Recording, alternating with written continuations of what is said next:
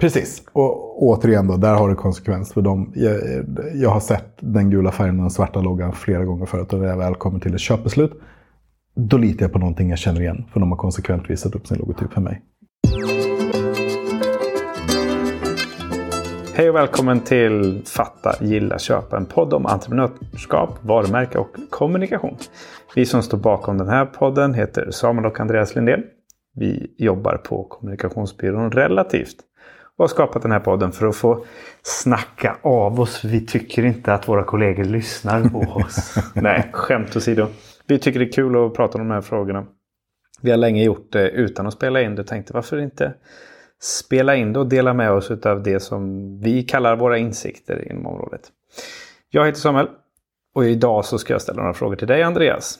Och vi ska prata om vikten av en sammanhängande identitet. Och nu pratar vi om varumärke.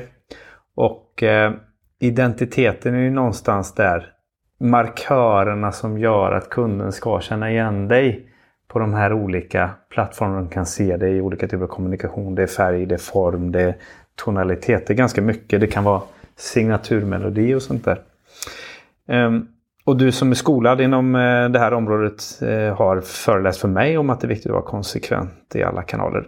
Varför är detta viktigt Andreas? I grund och botten är det för att ingen bryr sig om ditt varumärke. De har annat att tänka på. Det låter lite hårt. I modern varumärkesteori så handlar det om att bygga fans snarare än användare. Och det är sant för du har så många konkurrenter att helt plötsligt måste, med, med samma funktionalitet och snarlik produkt som du har, bil eller vad det nu är. Så då måste du börja bygga runt någonting annat, alltså värden. Vem är du som människa som kör Volvo, Porsche eller Tesla? Det kan vi koppla in på. Ehm, men sanningen är att de flesta människorna bryr sig inte så mycket. De behöver bara någonting. Och då finns det mer eller mindre varumärken som folk bryr sig mer eller mindre om. Ehm, mode är ju en sån där som folk bryr sig väldigt mycket om, som är mycket self-expression. Sen när det kommer till tandkräm, ja men där kanske inte har lika mycket känsla för det. Och man pratar om varumärken som en relation till en kompis. Om man ska ta den analogin. Du gillar ju de kompisarna som finns där för dig. Som svarar i telefon konsekvent. Som du kan lita på, som du vet ställer upp. I någon mån, eh, sen kanske lite, ska man inte synen som kallar varumärken vänner. De vill ju tjäna ja. pengar på det. Men analogin är, eh, vi, vi människor vi bygger ju liksom, vi är vanedjur, så vi bygger vana runt saker. Och saker som du känner igen är tryggt och de kan du lita på. Så varumärken som, som behåller, och då tänker vi de här stora varumärkena. Nike har inte bytt sin logga sedan den kom 71. De har gjort små refinements, men den här swooshen är likadan. Apple likadant. Microsoft byter logga lite titt som tätt, Burger King och de här. Och de är inte lika stora varumärken symptomatiskt, även om de är liksom väldigt stora. Så att konsekvens är viktigt i relationer och i all grafisk formgivning för att det ska uppfattas som professionellt och sådär. Men i grund och botten, människor bryr sig inte så mycket om ditt varumärke. De har andra saker att tänka på, de allra flesta. Så att om, de inte, om du inte gör det enkelt för dem att känna igen dig så kommer, du, kommer de att missa dig. Det är egentligen grunden till varför konsekvenser är så viktigt. Det är inte mer komplext eh, än så egentligen. Att hålla upp det. Och det är klart att det, det är väldigt lätt att man gör de här jämförelserna med Nike och Apple, med 99,99 procent av alla företag är inte unicorns. Nej. Men du och jag sitter här med vårt lilla varumärke och våra kunder sitter där med sina stora och små varumärken och sådär. Liksom man har inte de budgetarna. Kan du bli lite konkret och säga att jag vill starta eller jag har mitt varumärke, jag har min, min logotyp, jag har min färg, jag har min hemsida och så vill jag ut och börja kommunicera på lite olika plattformar för att öka räckvidden. Vad, vad ska jag göra? Ska jag tänka på detta? I grund och botten så ska du hålla det enkelt. Tanken är ju att när man klickar på ditt LinkedIn-inlägg så ska man ju känna igen sig på hemsidan för att känna okej, okay, jag fattar. Eh, det här hänger ihop liksom. Och någonstans där ute, jag har hört någon siffra, jag kommer inte ihåg, men eh, någon ska ha sett dig tio gånger innan de är beredda att skicka en kontaktförfrågan till dig. De ska ha sett eller, eller halvinteragerat med dig tio gånger innan de skickar en kontaktförfrågan mellan, mellanmänskliga relationer på LinkedIn. Och likadant är det med varumärken. De behöver se dig tio gånger förrän de ska komma ihåg att det finns överhuvudtaget. Ja, men det är ju det där blå byggbolaget med den där loggan. När jag sett det tio gånger, då, för jag kommer inte komma ihåg de nio innan.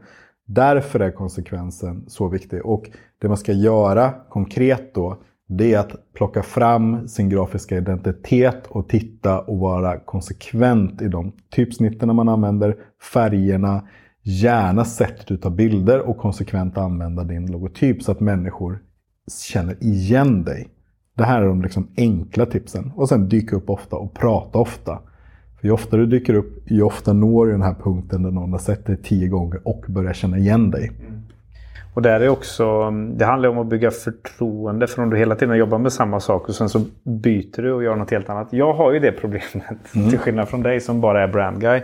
Så är ju jag ju väldigt mycket, eller jag är många olika saker. Jag klär mig i många olika roller. Dels i min roll på, på eh, relativt hjälper kunder i varumärke och strategifrågor och i kommunikation. Och sen så är jag ju lite underkonsult inom logistik. Jag hjälper till som marknadschef eh, externt på ett par andra bolag och sådär. Så, så jag kan ju aldrig svara tydligt och jag, det begränsar mig i min möjlighet att kommunicera för att jag vill heller inte förvirra. Så att, var som Andreas, var inte som Samuel. Då kanske är rekommendationen. Om, om man vill bli ihågkommen. Precis. Sen är inte det eh, det är ju inte heller alltid avgörande. Nu pratar, vi pratar ju det här ur ett marknadsföringsperspektiv. Ur ett säljperspektiv, när du ringer luren och säger vill du köpa en ny logotyp och personen på andra sidan mot förmodan just den dagen vill göra det, då kommer du få affär. Och den andra delen av försäljningen är väldigt mycket relationer. Och har du en god relation till någon så kommer de ju vilja ha din hjälp att göra affär med dig lite oavsett alla de här andra sakerna. Då. Så det är viktigt att tänka ja, men i alla de här aktiviteterna man gör för att skapa business så just marknadsföringen den smala biten som ett komplement till alla andra delar men det ersätter, ersätter ingenting. Det, precis, det ersätter ingenting. Och marknadsföring, precis som du är inne på, bygga förtroende. Och där kommer ju igenkänning, det är ju det viktiga. Ja. Jag känner igen det här, jag har sett det förut. Vi ska åka semester, jag och min fru, och så ska vi hyra bil. Och så tittar vi på det. Och så får du upp en lista och du tittar direkt på de här stora. Hatch, okej, okay, men de kan du nog lita på. För jag vet ju att det är bilskojar överallt. Men de här är så stora så de måste ju vara ett legitimt företag. Är det sant eller inte? Jag vet inte. Vet inte. Jag kände igen loggan och mm. namnet. Exakt. Helt plötsligt så har du Risken förtroende. att eh, bli lurad eh, minskar förhoppningsvis. Då. Precis. Och återigen då, där har det konsekvens för dem. Jag, jag har sett den gula färgen och den svarta loggan flera gånger förut. Och när jag väl kommer till ett köpbeslut, då litar jag på någonting jag känner igen. För de har konsekvent visat upp sin logotyp för mig. Det är grunden. Om vi avslutar den här eh, lilla diskussionen eller samtalet då. Så vill jag att du delar med dig några tips till, till den eh, entreprenören här som driver sitt bolag 10, 15, 20 anställda. Vill komma igång med att göra detta men vill och, och ska ta hjälp av en kollega. Ja. Det blir den yngsta nyanställda som du kan mm. det där med sociala medier. Mm. Och så liksom ska man sätta igång och så har du begränsad tid och, och budget. Liksom. Uh, vad ska man göra för att inte gå bort sig i de här bitarna? Då, om man bara... Om man då finns det två Antingen så köper man hjälpen och då finns det experter som hjälper till med det här, hjälper att ta fram det. Och då, men det är en budgetfråga såklart. Och, där, och det vill jag verkligen vara tydlig med. Där kan du också köpa mallarna.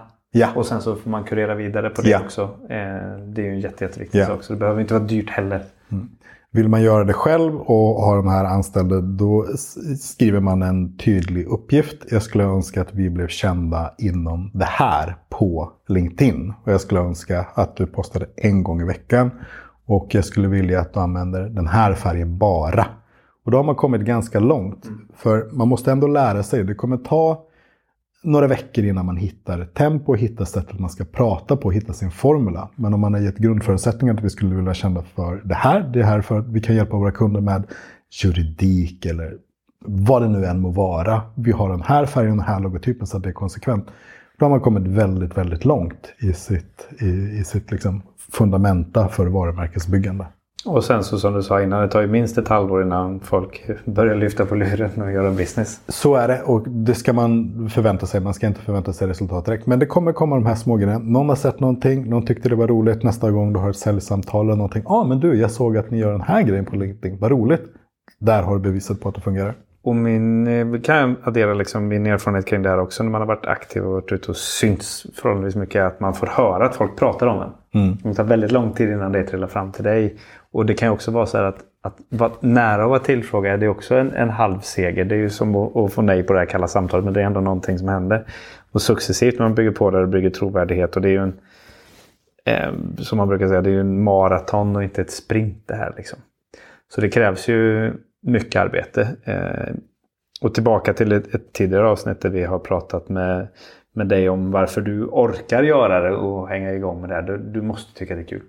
Man måste tycka att det är roligt. Man må, det, och det märks ut om man inte tycker att det är roligt. Så att man måste hitta sitt sätt att göra det på framförallt. Och prata om det man brinner för. Mm. Detaljerna i sin verksamhet som visar att man är expert på att lösa sina kunders problem. Precis, och det sista jag vill addera till detta det är att det är en, hög, det är en bättre utväxling på att vara dig själv på Instagram än ditt företag. Att vara dig själv på TikTok, att vara dig själv på LinkedIn, att vara dig själv i bloggen, att vara dig själv på YouTube alla de här grejerna. Det är så mycket lättare att relatera till personen än till varumärket.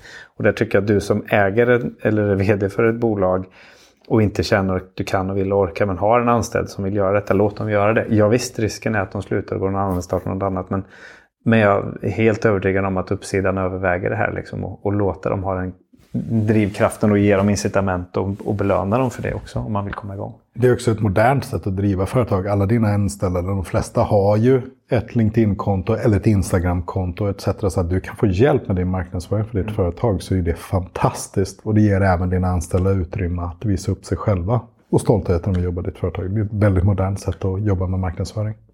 Grymt! Apropå att ha en sammanhållen identitet. allting går ju ihop liksom. Sälj, marknadsföring, kommunikation, alla de här sakerna. Det, det hänger ihop för att bygga framgångsrika företag. Tycker du att eh, det här inte var alltför plågsamt att lyssna på så finns det fler avsnitt. Och vill du veta mer om vad vi på Relativt gör så tycker du ska spana in relativt.se. Mig och Andreas kommer du såklart i kontakt med via LinkedIn eller hemsidan. Länkar till det finns i avsnittsbeskrivningen. Tack och på återhörande. Tack.